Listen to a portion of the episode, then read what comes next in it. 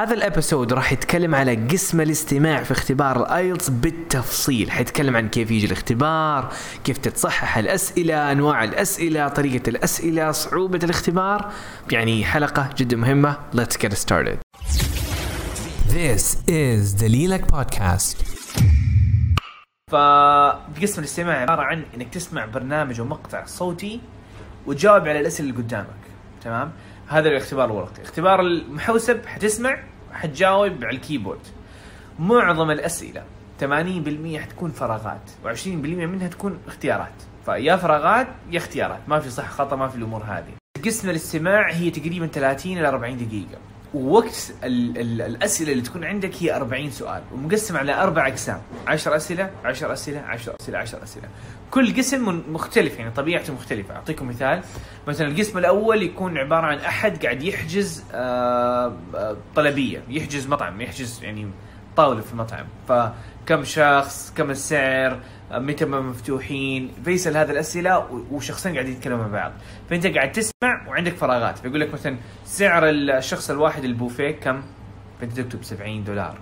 أو آه، يقول لك اسم الشخص اللي حجز. إيش اسمه؟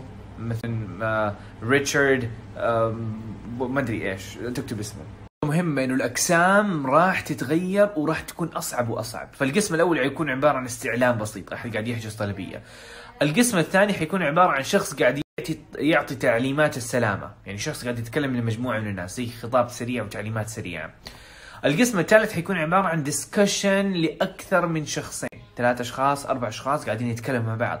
فشوية يتلخبطوا يتكلموا يناقشوا مشروع مثلا فهذا القسم الثالث. القسم الرابع يكون عبارة عن محاضرة أكاديمية. شخص قاعد يتكلم عن موضوع معين فأنت عليك إنك تسمعه وتجاوب. مثلا يقول لك يتكلم عن الديناصورات وعلم علم الجغرافيا وشيء زي كذا. فأنت عليك الشيء اللي قاعد تسمعه؟ تجاوب